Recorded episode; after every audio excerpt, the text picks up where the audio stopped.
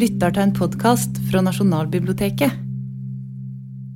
Da vi ble spurt om å gjøre dette her, så var den opprinnelige planen det var nok at eh, det var omtrent som så eh, Du Philip, du kan holde et 20 minutters foredrag. Og så kan du holde et 20 minutters foredrag, Eirik. Og så så vi på hverandre og tenkte det høres litt rart ut. Fordi saken er at eh, han og jeg vi har snakket sammen i 53 år nå. Og vi har virkelig Har vi det? Jeg tror det er det. Jeg vet, jeg vet ikke hvor tidlig jeg begynte å snakke. Ja, ja, jeg tror ja, ja. Fra liksom jeg begynte å snakke, så har vi snakket sammen.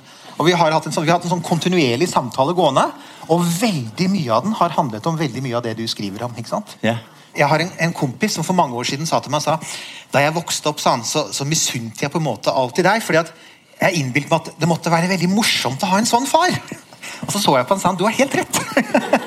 det var veldig morsomt. Ikke bare fordi at du er en morsom mann. Eller du var inntil de siste årene. Nei, takk. Men også fordi eh, Også morsomt i liksom alle ordets betydninger. altså det at det har liksom alltid vært som dere også ser så innmari tydelig av det som ble vist på skjermen her, og, og bok, bokomslagene. Det er så utrolig bredt.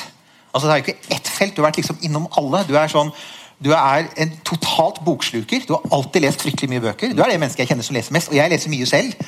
Og du er den som jeg kjenner som leser bredest. Altså, så, så det er ikke rart egentlig at han både skriver om roboter og fantasy og Djengis Khan og mathistorie øh, og alle de andre tingene du har gjort. fordi at du har vært sånn hele tiden. Så det jeg tenkte å gjøre, da, eller som vi, som vi ble enige om, det var at vi har en samtale oss imellom her på scenen, hvor vi går litt gjennom snakker litt om dels om hvordan du begynte med dette her. Ja. Jeg var ikke klar over at du allerede i 1965 mens du jobbet på trikken i Oslo, sa at du hadde bokprosjekter. Så dette er noe du har holdt på med veldig lenge, så jeg tenkte at vi rett og slett bare skulle gjøre det. Kan du begynne med deg selv? Kan ikke du Altså, Du har jo skrevet selvbiografiske bøker, ikke sant? Ja, jeg skal Um, inn på det. Ja, ja jeg, jeg, jeg syns at vi kan starte litt med sånn Hvor kommer du fra? For noe av det som gjør deg spesiell i den norske forfatterfloraen, da, det er jo, den, det er jo bakgrunnen du har. ikke sant? Ja. Så du er født i 39, ja. i en by som heter Worcester. Og den ligger i Midt-England. Vi snakker om science fiction, ikke sant? Vi hadde comics. Det er et sånn tegneserieblad da jeg var barn. Og i England heter det mest kjente Dandy, Beano, Hotspur. Dandy og Beano trykkes fremdeles. Og de var først utgitt i 1932 eller sånn. Eller, de, de går fremdeles. De er ganske ulike norske tegneserieblader, er det ikke det? Å ja. Ja. For de er mer som sammensatte, Ja. med korte striper og Ja, da, da, da jeg var barn, det var veldig, veldig britisk på en måte. De hadde Lord Snooty and his pals. Ikke sant? And, and Harris Tweed, og det var det, det sånn Detective som het Harris Tweed, som var veldig pent kledd. Altså, det, men men eh, det var en fantastisk uh, tegneserie. Men vi hadde en venn i gata ved siden av oss som hadde en eh, tante i Amerika, og hun sendte han amerikansk tegneseriebladet. Åh, det var helt fantastisk. Han skulle ha fire-fem blader per amerikansk blad. ikke sant? Og jeg fremdeles tenkte jeg kan, vet ikke om jeg vil trykke dem fremdeles. Det var sånn på avispapir med sånn duse farger. Men det er pulp, er det ikke det det heter? Ja, Altså, nei, sånn helt nydelig. Jeg blir helt varm når jeg tenker på det. Ja. Og da leste jeg Wonder Woman, Batman, Superman ikke sant? Alle, Mm. de, de var alle sammen. Superboy. Og, og så videre. og ble veldig, begynte å bli veldig interessert i, i, i sånn science fiction på den måten. Men, men produsenter i Amerika i, tidlig på 50-tallet de begynte å bli lei av dette. At salget gikk ned. Folk ville ikke ha flere Supermann-blader. og sånn. Så begynte de å trykke crime, horror, ikke sant? og science fiction. Og da begynte jeg å få disse science fiction-bladene og ble mer og mer interessert. Men det som, det som forandret meg når det gjelder science fiction, var et, en tegneserieblad som kom i 1950. Og jeg vet nøyaktig den dagen det kom, fordi jeg gikk med aviser den gangen. Tidlig om morgenen klokken seks om morgenen før jeg dro på skolen. Får nok tjene litt penger til meg. Eller har. Vi var så fattige. Så, så vi, og så hadde jeg um, The, the Eagle Ørnen. Absolutt oh. På omslaget, første side Dan Dare, Pilot of the Future. Oh, God. Den er så fin. Bare Fin. google Dan Dare og, og, og se på, på, på kvaliteten. Er Var det, fantastisk. var det Samson han het? Ja, Hampson. Hampson, ja. Hampson, som tegnet det. Han var en fantastisk tegner. Frank Hampson dro det mest fantastisk Å, den der Pilot to the Future. Han hadde you know, Square Jordan Veldig RAS. Altså, Ja, men husk, dette er fem- Fem år etter krigen. 1950, like etter krigen. Fremdeles i 1950 kunne se Spitfire som fløy over. ikke sant? Og Lancaster-bomber. Jeg fløy til en Lancaster-bomber. ikke over Tyskland. Nei, nei. Nei, Men jeg- men jeg du er født i 39, så Men så det var Og så hadde du den der han var fantastisk, og hans mannskap på, på, på Ikke sant? Og det var som mannskap på et bombefly, egentlig. ikke sant? Å, jeg elsket den der. Han var så britisk. Det var så Come on, chaps! We are not to let these green monsters take over! Come on, boys! Tally ho! Oh, I loved it. Det var helt fantastisk. Det var så gøy. Så, så, og, og den der gikk i mange, mange år. Og så begynte jeg å få mer sånn eh, Ja, tegn Uh, hva, hva heter det igjen fra, fra Amerika? Blader, faktisk. Um, Science fiction-blader. Sånn Astounding og altså, Ja, nettopp. Astounding Uh, Wonder Tales. De hadde mange. Det var jo Ja, mange, du, du vet det, ja. Ja, ja. Galaxy og sånn, ja. Ja. Og der hadde du jo kjente forfattere, ikke sant? For det er jo en ting. Da begynner For du, du Ja, Ja, forfattere. nettopp. I disse her kom det kjente forfattere også. Asimov og Bradbury og alle disse her. Bradbury, da. Det er noe eget. Ja. Han var den mest populære, egentlig, i Bradbury på, i sin tid, tror jeg. Kan var si han sånn- også han var den beste? Han var det. Ja, ja. Jeg tror det. Ja. Ja, det var fantastisk historie også. Og Asimov som, og det var morsomme. Asimov var morsomme. Kan ikke jeg, jeg har noen sitater her fra de som er kjente. Det er din scene. Husk på at du er av nasjonal, du er av nasjonal betydning. Jeg tror egentlig du får lov Og jeg er veldig stolt av å være Jeg, jeg må ha litt engelsk innimellom. Beklager, folks, men, men dette er, dette er det, jeg, jeg, jeg er sånn nå For eksempel John Scalzi, han er president of the Science Fiction and Fantasy Writers of America. Har en fantastisk bra blogg. Scalzi. Ja, ja. Altså sier Don't annoy science fiction writers. These are people that destroy entire planets before lunch. Think what they can do to you. og så, og så Her er noe fra Knut Vonnegut. Tenk på situasjonen i dag med miljøet, med frem, barnas fremtid. Og så Det er grusomt som skjer på denne planeten. Dette skrev Kurt Vonnegut for mange år siden. Dear future generations, please accept one's apologies. We were rolling drunk on petroleum. Veldig bra. Er ikke det Ja, fantastisk? fantastisk, ja. Dette, dette, sier de i alt. Å, det er så bra. Og så Asimov, selvfølgelig. Det said, Those people who think they know everything are a great annoyance to those of us who do. de, de spurte han en gang du, Hva vil du gjøre hvis du hadde bare seks måneder igjen å leve? Så sa han skriv raskere. han. Han, skrev jo noe sånn som 700 bøker. Eller? Jeg vet det. Han, slår, han slår faktisk deg med sånn hårsbredd. Ja. Men det er, det bare en til. Brian Aldiss, han er engelskmann, han sa Science fiction is no more written for scientists than ghost stories written for ghosts. Men, men der, er det jo, der er det jo inne på noe, da. Altså, for dette, dette er jo litt sånn som Ja. den litt mer sånn generelle diskusjonen som ofte går om science fiction, som er nettopp det. ikke sant? Altså, Hva er science fiction? Er det et forsøk på å spå om fremtiden? Er det sosial kritikk? Ja. Er det å ta opp problemer eller situasjoner som eksisterer i samtiden? Det er noe Tor Åge Vingsvær har sagt, blant annet. ikke sant? Ja. Og så, så, så hva tenker du om det? Altså, så, hva var det på sett og vis? da? Du sier at du ble fascinert av, av Pilot of the Future. ikke sant? Ja, ja, ja. Men altså, hva, hva var det ved fremtiden? da? Som, altså, var det noe med at du vokste opp på 50-tallet? Ja. Hadde det noe med det å gjøre? Man sier ofte at 50-tallet var sånn veldig fremtidsoptimistisk. og Ja, men en annen ting, Husk at dette er ikke mange år etter krigen. Det samme som i Norge. Det var ganske tøft fremdeles. Det var rasjonering fremdeles. Det var temmelig hardt. Og så plutselig ser en sånn utopia. Mm. I tegneserieform. som De, de byene som man tegnet Hamsun, og, og på Venus også. Mm. Fantastisk! Og folk bodde så godt og hadde det så godt. og det, Plutselig spennende. Men så er det jo da det skjer noe interessant. Du er veldig opptatt av dette som ungdom. Og det er det jo mange som er. ikke sant? Det, var millioner av ungdommer som var opptatt av, av Superman og, og Ja, ja. Dan Dare. Men så velger jo du å ta det et skritt videre. da. For at du, det er helt tydelig, Kan du huske når du tenkte dette har jeg lyst til å gjøre selv? For det er noe helt annet enn å like det. Ja, jeg kan, jeg kan komme inn på, på, på det først. En annen ting jeg sier, jeg, snakker, jeg leser disse bladene, men vi så det på film også. Ja. Vi hadde noe da jeg var barn over hele, over hele England, het Lørdagsklubben. Sånn, Saturday Club. Og det var en kino i byen som tok imot alle barn i byen fra 9 til 12-1-tiden hver lørdag morgen. Og da prøvde jeg å bli kvitt dem. Sixpence kastet det. oh, det, det, det, det var fantastisk hver lørdag. Det var før det ingen hadde TV. Det var en i gata som hadde en rik mann i gata som hadde TV. Ja, vi visste ikke, vi lurte på hva den der H oppå taket var. Husker dere det? De H sånn, over hele byen. Ja, altså, det begynte med allsang. ikke sant? We come along on Saturday morning og sånt. Det er kjempefint. Jeg sa dette ville Ja, ja, ja. Så, så, var det, så var det Travelog, som jeg elsket den gangen. Det var de der korte filmer, dokumentar fra, fra Amerika med grusomme farger. Garish colors, ikke sant? Sånn, sånn.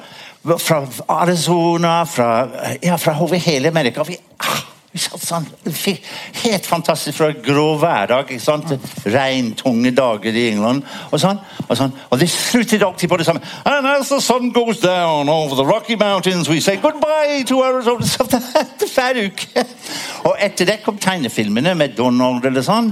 Så seriene. Som gikk over tolv episoder. 12 episoder. Alle sammen var cliffhangers. Og de var fantastiske. Det var det var hoppe Long Cassidy og, og sånn, men også Buck Rogers og sånn, eller? Buck Rogers. Ja. Superman. Jeg så Superman, det var barn det var på, på film. Men han var ikke sånn de lager scener. Han var sånn, en sånn ganske godt bygget mann, men han hadde ikke muskler. Så han hadde en liten ølmage. Sånn. Og sånn. Men vi ga blaffen han kunne fly. ikke sant? Så det var Superman og, og, og alle disse her.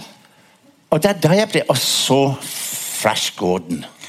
Og Flash Gordon var fantastisk den gangen. Sånn. Og hadde sånn, sånn Gordon, now you die. Bang! Will you die? See you next episode next week. Og sånn, Søren! Og så, det var cliffhangers ikke sånn hver uke. Men det, men det er jo interessant at du, dere måtte jo vente. ikke sant? Ja, ja, en hel uke. Men det i seg selv var kanskje Det var, altså, det var sikkert irriterende da, men sånn i ettertid så var det kanskje en ålreit ting også.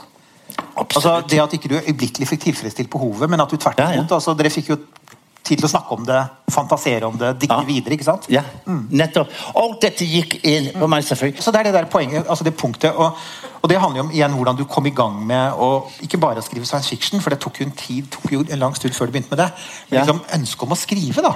For det må du ha hatt en stund, hvis du allerede i 65 så du, for, Men det du gjør, er at du går jo ikke på noe skrivekurs. Du, hva slags, altså, Nei, nå skal du høre. Jeg, Bino, Fatty, Ludo og jeg, om den første boka om min barndom og oppvekst i England. Vi hadde en gjeng i Kastanjegate som heter Bino, Fatty, Ludo og jeg. og Jean og Diana, to jenter. Jeg fikk ikke lov å ha det med på omslaget. De sa altfor lang! Bino, Fatty, Ludo, Jean, Jean og Diana. Nei, nei, vi klipper av de to. Så de fikk ikke lov å være med. Og så etter jeg hadde utgitt alle tre bøker Jeg var hjemme i Worcester, i min hjemby, og var ute en kveld tilfeldigvis med alle tre. ikke sant? Bino, Fatty og Ludo. Ikke jentene. Og, og vi var ute og drakk um, kaffe sammen på en kafé. Og så, og så det lokale kaffehuset, ikke sant? ja, ja, ja. ja. Og så sa og så sa jeg se på dette. sa jeg. Jeg tok det med spesielt se, sa jeg, og viste. Og de kunne se navnet. ikke sant? Bino, Fatty Ludo. Og jeg, hva er det for noe? Jeg sa og jeg, sa jeg. Og jeg? Ja, og jeg. Og jeg. Og så jeg Og vi, vi. Bino, fattig Ludo og og, det om oss, ja? Og jeg sa, vet du, jeg fortalte han, jeg fortalte han den historien, husker du det? Ja, husker du det? Husker du? Så begynte de å fortelle meg historier. Tok du med den? Nei. Tok du med den? Nei. Og jeg så sa Bino til meg, uh, Bino og jeg er fremdeles venner. 70 år er vi være venner. Men Bino sa, «Eh, jeg visste du skulle skrive sånn for, for, for barn. Så sa jeg, hva mener du? Da du var sånn 16-17 år gammel, du sa er det én ting jeg skal gjøre i livet, jeg skal skrive, og jeg skal skrive for barn. Oi! What? sa jeg. Jo, du sa det, sa han. Det kan ikke jeg huske. Det var derfor jeg skulle fortelle meg. Men poenget er jo at altså det, igjen, du tok jo ikke noe skrivekurs, men du, var, du, altså, du ble jo interessert i kunst, ikke sant? For det var jo det du valgte. altså du valgte Jeg da... gikk på kunstskole, jeg. Ja. Mm. Og det var, og var det generell interesse, interesse for kunst, eller tenkte du allerede da at du kanskje kunne bruke Det var etter jeg giftet meg med, med din elskede mor. Mette gikk på akademiet, og, og fantastiske tegninger. Og jeg så tenkte jeg som har så lyst til å skrive, og du som tegner, kan ikke vi lage en bok sammen? Du illustrerer det, jeg tegner det. Og så jeg sender det til England. Jeg fikk vite at du må ha en agent. De, de kan godt sende til et forlag i England, men de får 100 manuskript om dagen. Kan ikke tale om. Jeg sa, så, nei. Og så sendte jeg det, og Sorry. Refusal, refusal, refusal. Jeg, jeg, fant det for noen år siden i skuffen, og det er gudskjelov at det aldri kom ut. Mammas tegninger, uh, Mettes tegninger var fantastiske, men den som jeg skrev, var grusomt. Og som jeg hadde skrevet, og hun får meg aldri til å, å glemme det, så sa hun hver gang jeg har skrevet dårlig, så sier hun And all the animals laughed. Og jeg, det er det verste jeg har skrevet i mitt liv. Hun husker det. Så hver gang jeg sier Å, dere Ja. Yes. så det, men, så det, men det er altså ganske tidlig, ikke sant? Dette er sånn rundt 1960 eller sånt? nå, Ja, Ja, ja, ja, ja. Vi begynte da å, skri å, å, å skrive. Og begynte først også for TV. Begynte å lage TV-programmer for barne-TV og, og, og, og skole-TV.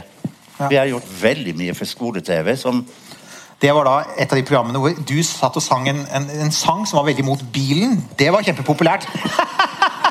Det var like populært i 1974 som det er i dag å være mot bilen. Nei, men Det er jo en av de interessante tingene. Altså, du flytter til Norge. Dere møttes jo i England. Og så følger du etter, flytter til Norge, og så starter du en karriere her.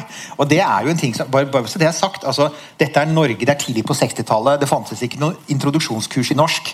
Det fantes ikke noen integreringsprogrammer. Du kom faktisk til Norge i et sånn sjelden, har jeg lært i ettertid, da, en sånn luke i norsk innvandringspolitikk. Det var relativt fritt. Du bare kom, ikke sant? Ja. Og bare meldte deg for politiet av og til, og ellers bare jobba du. Men du var jo helt, du måtte jo klare Vet du hva de sa når jeg kom? De sa ja, hvor lenge skal du være her? Så sa jeg jeg vet ikke, jeg skal besøke en venninne. De sa skaff deg en jobb, og så kan du komme og si fra til oss, fordi du må ha papir. Gå og skaff deg en jobb! Den gangen Men, Hysj, ikke si dette til Fremskrittspartiet, men det var faktisk sånn en gang. men eh, men, men altså, midt oppi alt dette her, da, du jobbet på trikken, som du sa. Det husker jeg et av mine tider. Ja, jeg måtte ha penger, ja. ja. Det var jo at du jobbet på, på trikken for å tjene penger.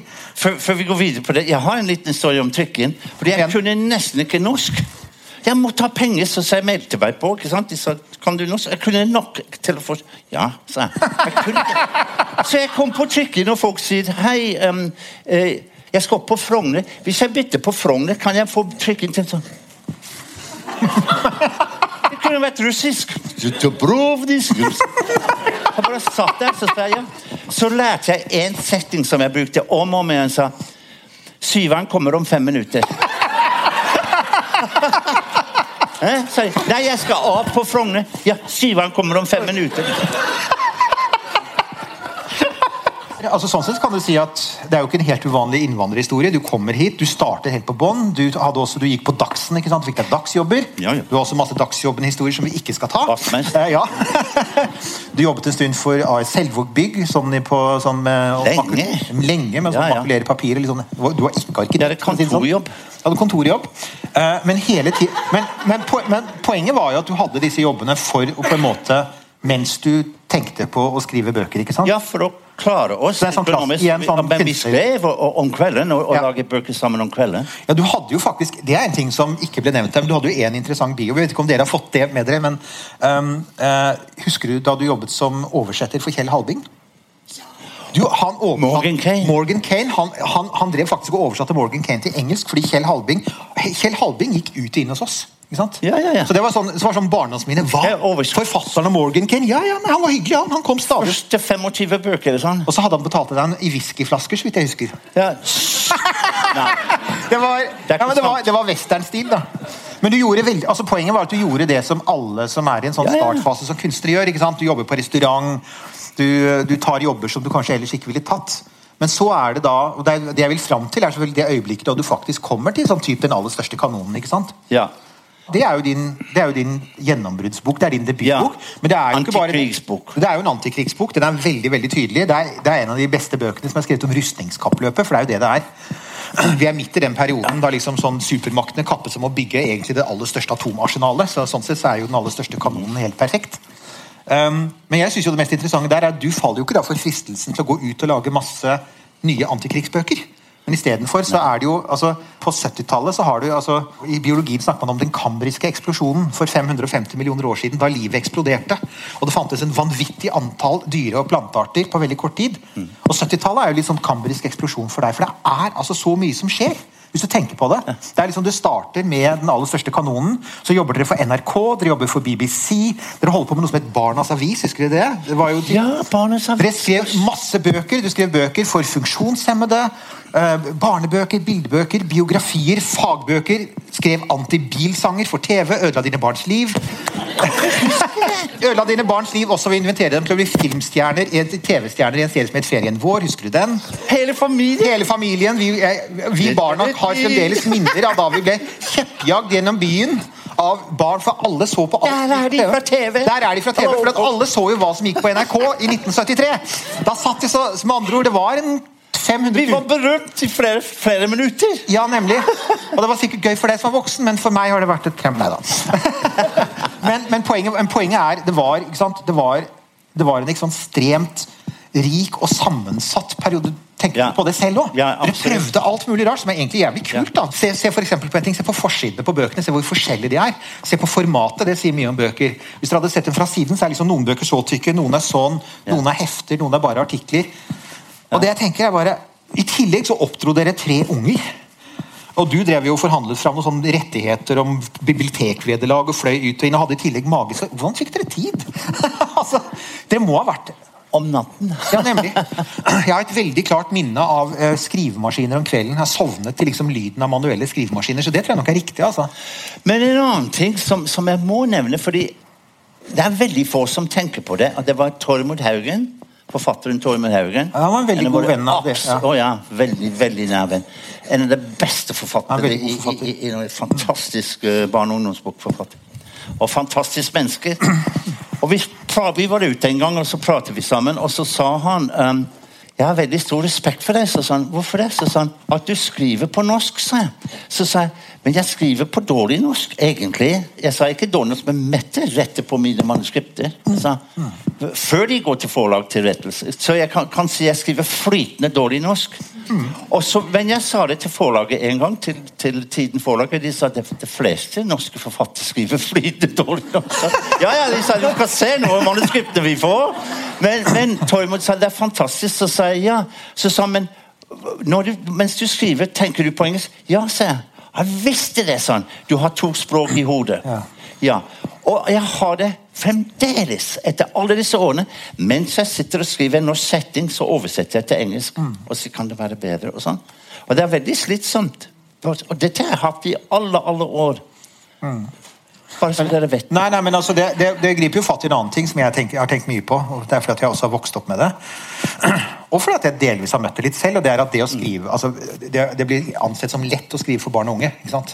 Altså, det er, Bøkene er kortere, historiene er enklere, og språket er enklere. Så selvfølgelig må det være lettere å skrive for barn og unge. Men altså, var det én ting jeg ser, så er det jo, det er jo beinhardt arbeid. Og det er jo faktisk ofte mye vanskeligere å, å, å få en tekst. Altså, Det å få en tekst som er såpass sånn enkel og elegant som Matilda-bøkene er. ikke sant?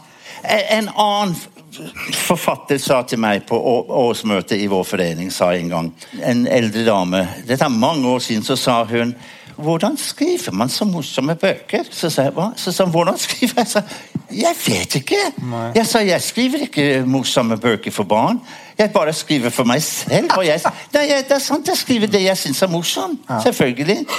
Så sitter jeg og noe bøker som, som uh, av og til når jeg skrev Mathilde jeg, sånn, jeg sitter og brøler latter. Naboene tror det. Sånn, sånn. Sånn. Men, men, men det, det sånn Jeg sa jeg kan bare skrive det jeg syns er morsomt, og håper at leserne syns det. Og de gjør det vanligvis, og det er ikke koselig. Men så kommer det altså det øyeblikket, da, for å si det, for at du skriver om deg selv. og Det, det er jo veldig gode bøker, men det er samtidig det er jo ting mange forfattere gjør. Det er det jo. Altså, det er mange forfattere som, som, som liksom henter ut fra sin egen barndom, og som også skriver Ja. sin egen oppvekst. Selv om det du skriver om er en ganske utradisjonell oppvekst å skrive om for norske lesere. Igjen så er det jo noe med det som man av og til kaller for the immigrant experience, som amerikanerne er veldig opptatt av. Altså oh, ja. det at Ja. det å være immigrant, du er innvandrer. Det er, det er lett å glemme, fordi at han er hvit, og han snakker Han snakker flytende godt norsk, og du kom hit tidlig som innvandrer. Ja. før den store innvandringsbølgen begynte. Ja. Uh, og, og, og den biten har du alltid hatt. Ja, du har hatt folk rundt deg som har støttet deg, du har hatt en familie og du har hatt en kone som har hjulpet deg, men til sjuende og sist så har, har jo det også vært en historie om en som kom hit, og som da Norge ble liksom mulig. ikke sant? Land of opportunity, det ble jo det. Du fikk, du fikk mange muligheter, men du skapte dem jo selv òg. Ja. Det var da jeg tenkte på det. Når er det du da begynner å tenke jeg har lyst til å skrive science fiction? som Du har vært, du har, du har vært opptatt Ja. av det så lenge. Ja, men nå skulle, oss si, jeg vil heller si, Nå begynte jeg å skrive om Matilda. da. La Ja, ok, for ja, det er derfor selvfølgelig, det vi skulle først og fremst snakke om. Jeg var, jeg, Så vidt jeg skriver Jeg har vært over hele Norge til så 100 skoler. Og jeg har lært veldig mye fra barna også. veldig mye. Og så hadde læreren i den ene klassen, de var sjetteklassene, uh, spurt ungene Eller eh, diskutert fremtiden med dem, og, så plutselig snakket de om roboter, tror jeg. Og så, etter jeg var ferdig snakket, ikke sant, jeg sa um, Er det noen spørsmål? Jeg pleide å lese for barna, men bare litt. Så snakket jeg og diskuterte. Snakket, Snakket, snak, snak, snakket mest. Fordi læreren kan sitte og lese for barna hele tiden. Og så sa, de, um, så sa en ja, hvorfor skriver du Har du skrevet om roboter noen gang? Så sa jeg hva? Har du skrevet om roboter? Så sa jeg nei. Hvorfor ikke? Så sa jeg nei, jeg vet ikke. Så begynte han å prate om det. Og sa nei, vi har snakket om roboter, det var veldig interessant. sa han. Ja. Kunne du tenke deg å, å, å, å skrive om roboter? Så sa jeg ja, ja, ja, kanskje det. Og så tenkte jeg, vent litt, så sa jeg Mener du sånn hushjelproboter? Roboter hjemme? Sånn. Altså, Vi har robot i dag i industrien og sånn. Tror du de kommer? Ja da, helt sikkert. Så sa jeg, kunne dere tenke, til klassen, kunne dere tenke å ha en sånn robothushjelp hjemme? Nja, tja. Så sa jeg, som rydder på rommet? Ja! Og gjør leksene? Ja! Da var de helt fire og flammet. Og så på tog, og så, jeg, jeg, jeg var på andre skoler hvor de laget enorme utstillinger. De hadde laget to meter høy roboter i papp og sånn. Helt fantastisk. Og lærerne var overbegeistret, for det ga dem masse ikke sant? De hadde et oppgave de kunne holde på med i flere dager. Flere...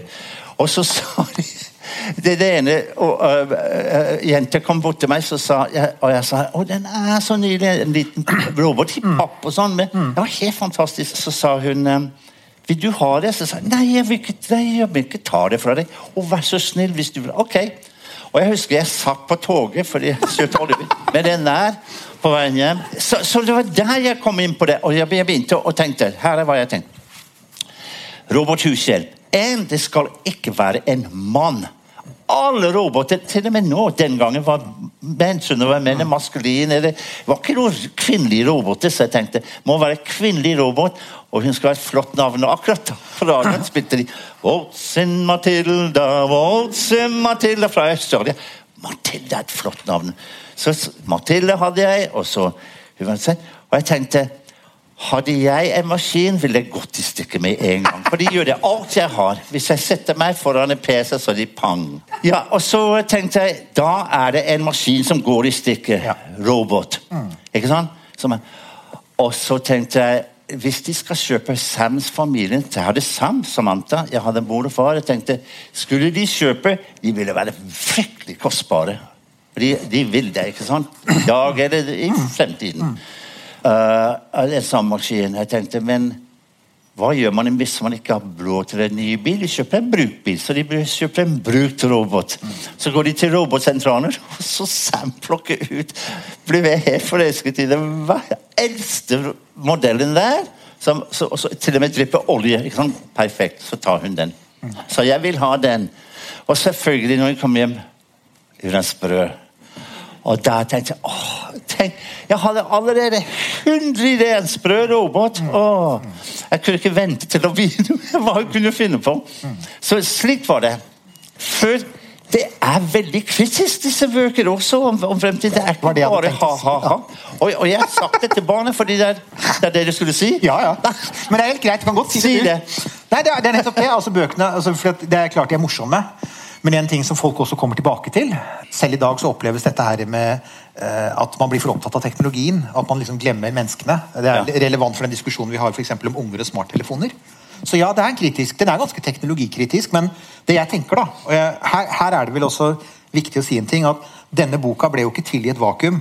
Igjen apropos samtalen, Vi snakket mye om dette, vi. Ja. Jeg husker veldig godt, for jeg husker at du var på skoleturneer, og jeg husker at du kom hjem og at du snakket om det med roboter. Og da visste du at altså, jeg var veldig opptatt av roboter. Selvfølgelig. For jeg var jo altså, måte jeg pumpet deg for informasjon. i Nei, men ikke bare det, men altså, Jeg leste jo mange av de samme forfatterne som du hadde lært meg å like. F.eks. Isak Asimov med hans robotbøker. Det var veldig viktig. Men det var jo takket være deg.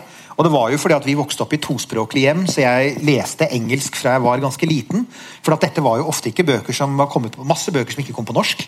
Altså Bing og Bringsvei sørget for å få oversatt en del, men altfor lite. Men en annen ting, jeg må ikke glemme at da de snakker om uh, Da jeg begynte med Mathilde osv.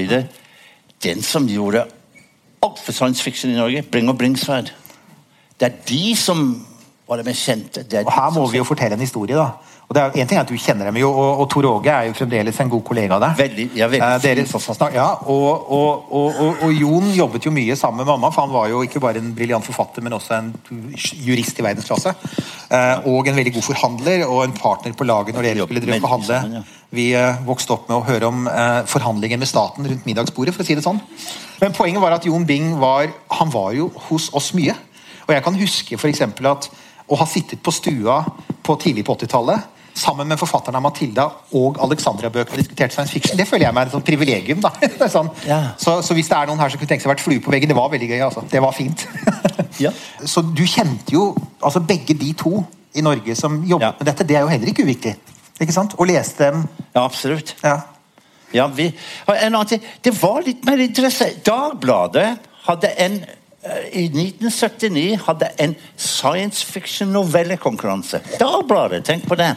Og det er fra hele landet. De kom, det kom over 200 manuskripter. Og jeg husker hvem som vant, fordi det het 'Englene'. Den som vant. Ja, kom igjen, da. Det var han. men, det, men, det, men du, dette er jo Det er derfor jeg fortalte historien!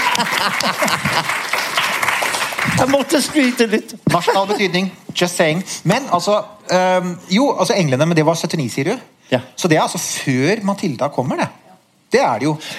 Det er jo interessant. Men én ting som jeg hadde lyst til å ta litt om, da. For at Du snakket om dette med teknologikritikk. og te, altså, det, det er ikke til å komme forbi at du brukte mye tid på igjen, det husker jeg, for vi snakket om det alle sammen, du brukte mye tid på å jobbe deg gjennom teknologiene som var i bruk. altså, Det var ikke bare sånn du, du snakket om videoveggen, den tenkte du på, husker du det? Ja.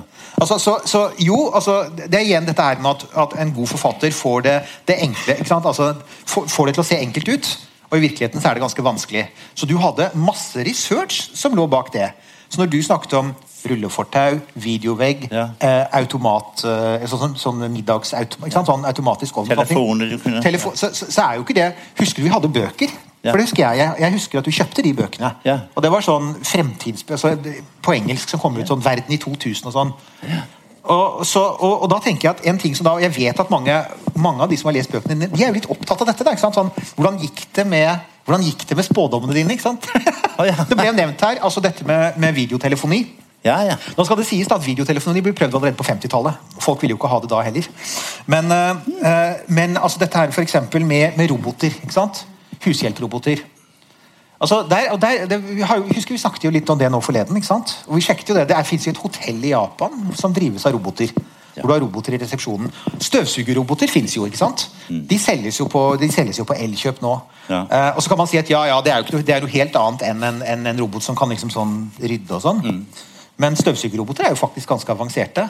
Og så er det jo andre typer roboter. Altså Hjemme hos oss så har vi en sånn liten boks som du kan snakke til, som styrer lyset, f.eks. Altså, Ja. Der har du. Så Ja. smarte hus. ja. Eh, eh, VV-en, videoveggen. Ja, Det har disse enorme TV Og ikke minst folks forhold til den. At de bare altså, de glor på den. ikke sant? Ja. Jeg så faktisk I fjor så, så jeg var i Las Vegas på et sånt der forbrukershow. og Da så jeg at Sony har laget eh, fliser som er sånn TV-fliser som du kan sette sammen. Og Da kan du altså Ja. faktisk dekke hele veggen. Fra bånd til tak. altså hele sånn at Du ikke bare har en stor TV, men du har bokstavelig talt en vegg som er en Ja. skjerm. Så, så VV-en, den fins. Eh, rullefortau, ja, det fins jo.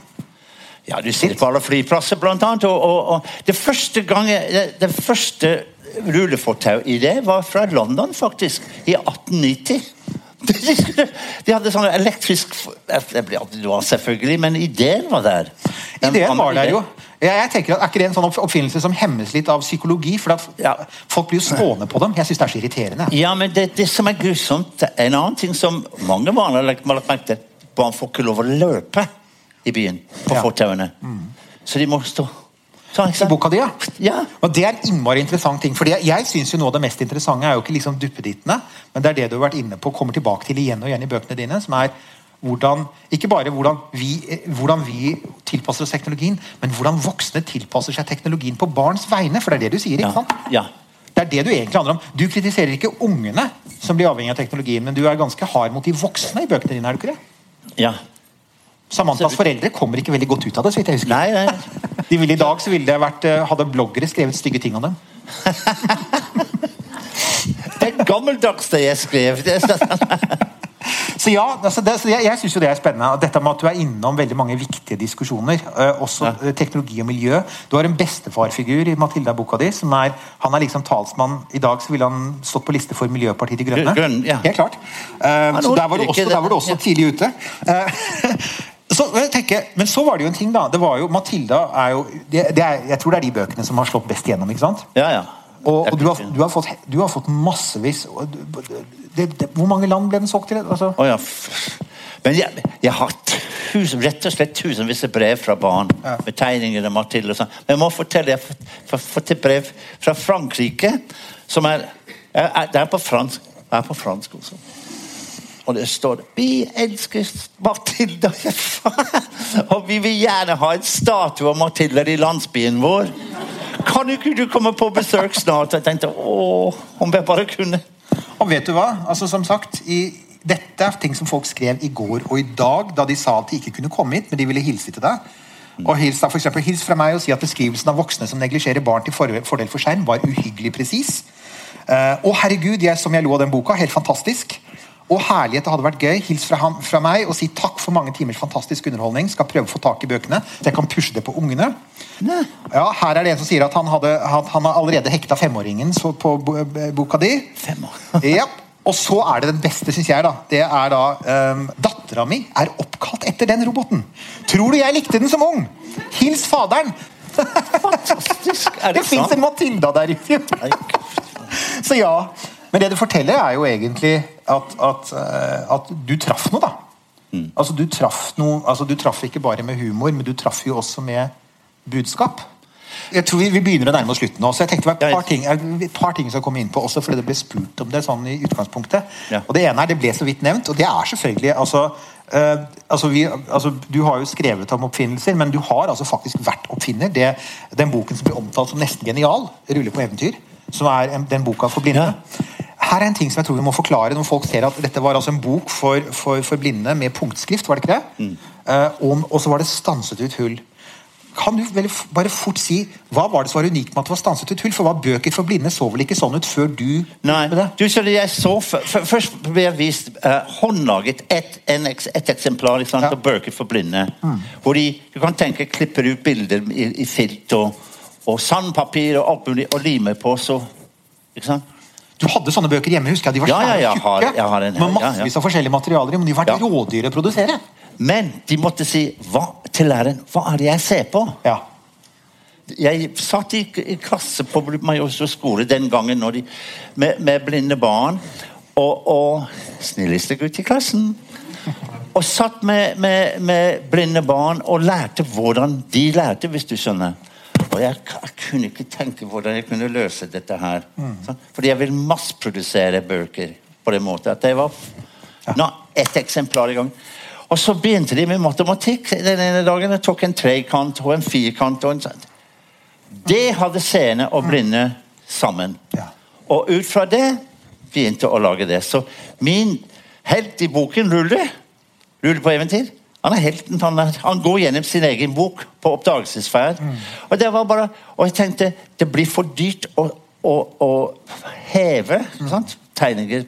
Da må du, ja. Så jeg trykker dem ut. Trykk, ja, det, var, det tok meg seks måneder å finne på dette, uten støtte på noen måte. Så, så der, er, um, men, og så samtidig lager Mette og jeg bøker for, tilrettelagt for døve. For, og for det gikk jeg på tegnelse, så Mette kunne få en modell. Du lærte deg tegnspråk. Ble ikke du Ja, jeg gikk på tegnspråkkurs, og til slutt var jeg så flink jeg ble tegnspråklærer. Han har vært tegnspråklærer i tillegg, ikke sant? Så jeg mener, sånn by the way. Ja, jeg gjorde alt. Men, men, og, og jeg var, jeg var uh, modell for Mette. Håndmo du var håndmodell? Hæ? Du var Ja, rett og slett håndmodell. håndmodell, Det er et yrke, har jeg hørt. Så vi, og så og så var det bare én ting Det var, var det Nasjonene sant, som skrev uh, Snakk om trykkfeil. Trykkfjell. Det står uh, Philip og Mette Newth lager for blinde og døde. Det er, uh, Og jeg protesterte! ja, det er fantastisk marked, da, hvis du tenker på det. Ja, Ja, gud! jeg husker en sånn veldig tydelig ting, for du forklarte det jo for oss også. Ja. Og det var jo dette at I en av disse bøkene Det var en sånn nydelig Jeg tror det var japansk eller noe sånt nå, Den viste jo annet en bil. Eh, og den viste jo en bil som så ut på 70-tallet. Altså en type Volvo omriss. Og da husker jeg du sa til meg husk på, altså, Hvis du er blind, så ser du aldri hele det omrisset. Hvis du er blind, så kan du kjenne på panser, du kan kjenne det glatte Ja. metallet. ikke sant? Ja. Du kan, du kan liksom merke at jo da, det er kantet av det, men du får aldri overblikket. Mm. Så du hadde så masse bøker som, som baserte seg på et overblikk som du aldri får når du ikke kan Ja, se det på avstand. ikke sant? Ja. Så, så, men så var det, prøvde ikke du også å få tatt patent på dette? Mener Jeg jeg har et minne av det.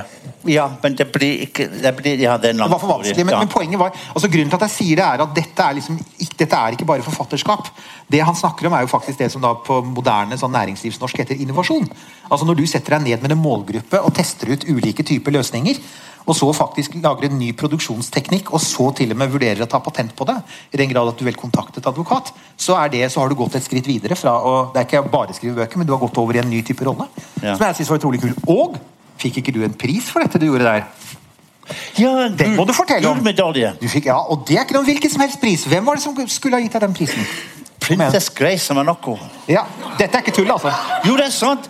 På Slottet. Jeg var invitert til middag og, og, med, med fire andre. En fra Frankrike, en fra Tyskland. Som, og det heter 'Venner av barn'. Eh, barnets venner.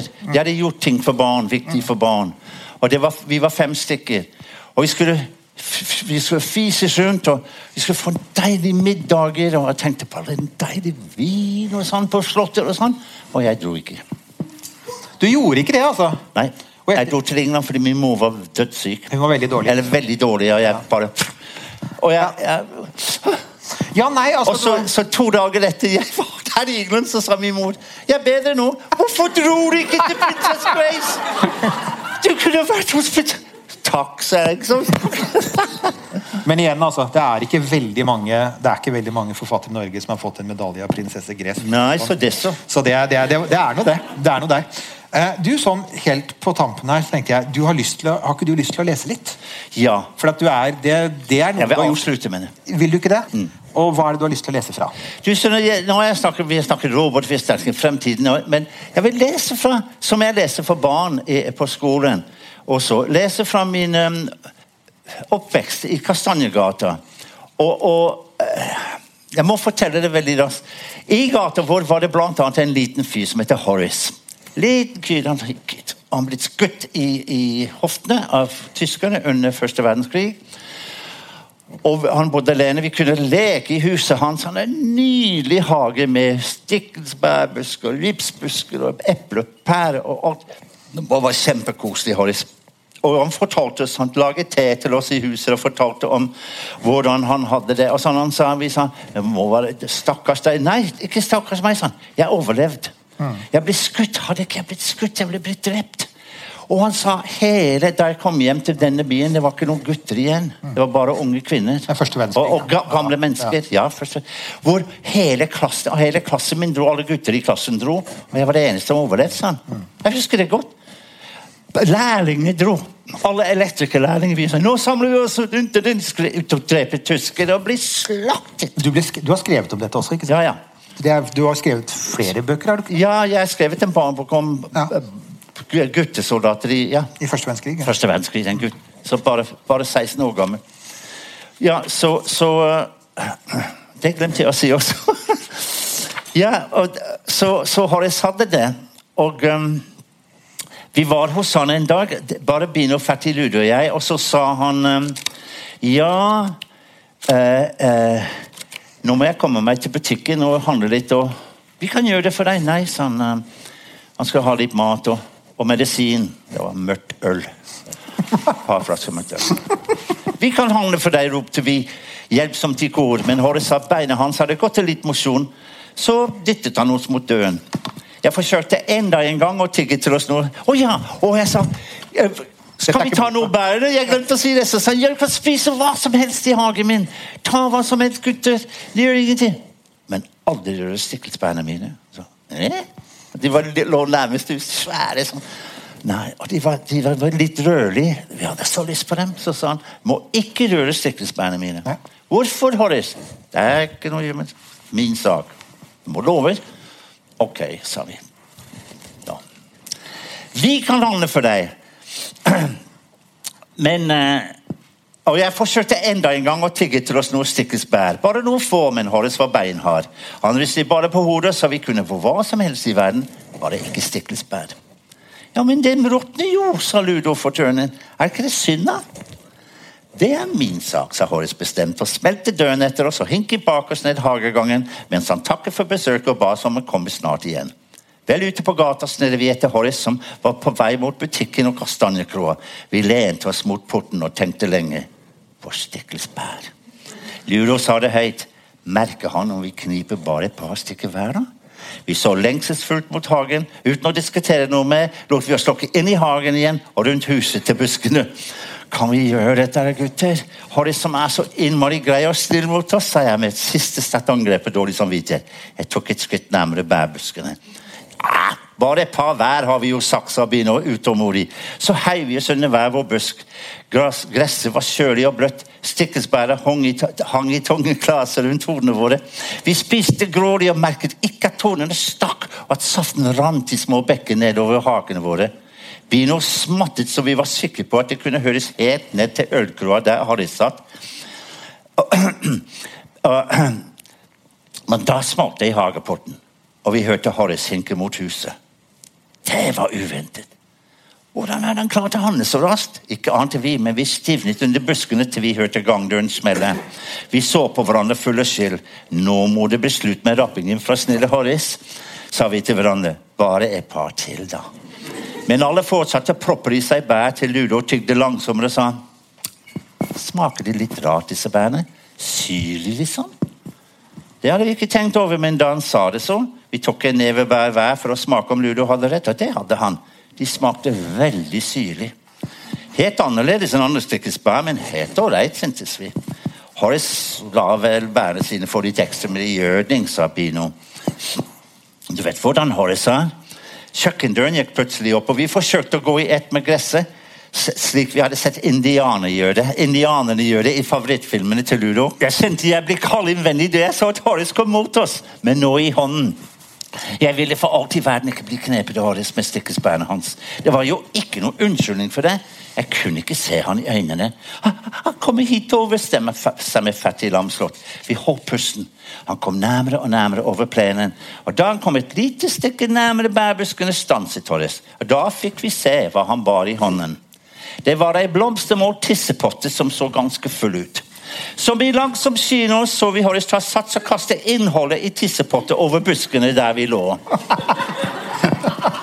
En glitrende gull foss skygge for sola et øyeblikk før det falt som regn over hodene våre. Horace snudde og gikk langsomt inn i kjøkkenet igjen. Ulydelig langsomt tenkte vi som måtte ligge stille under buskene, kvalme og forferdelig, mens det dryppet sakte fra bladene rundt oss. Endelig skjønte vi hvorfor Horace ikke ville at vi skulle røre bærene hans. Vi spyttet ut de bærene vi, bæra vi ennå hadde i munnen, kom oss på beina og styrtet ned mot kanalen. Æsj, jeg spyr, hilte Fatty. Jeg dør, jeg dør, gurglet Bino og grep seg til halsen. Vi slang oss ned på kanalkanten og drakk og drakk uten å tenke på hvor forurenset vannet var. Ingenting kunne være mer forurenset enn magene våre var akkurat da. Og vi brukte faktisk møkkete lommetørklær til å tørke de verste våte flekkene av klærne våre. Så vaklet vi sjokkskadet av kvalme til kastanjekroa.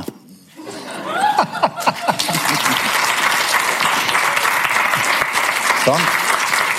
Det er en sann historie.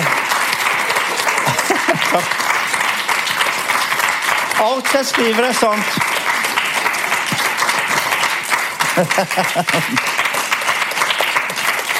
Tusen takk.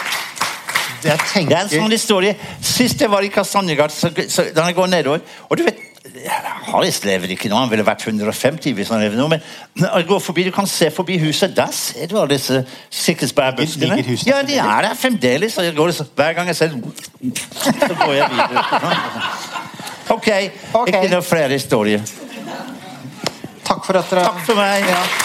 Det var kjempekoselig.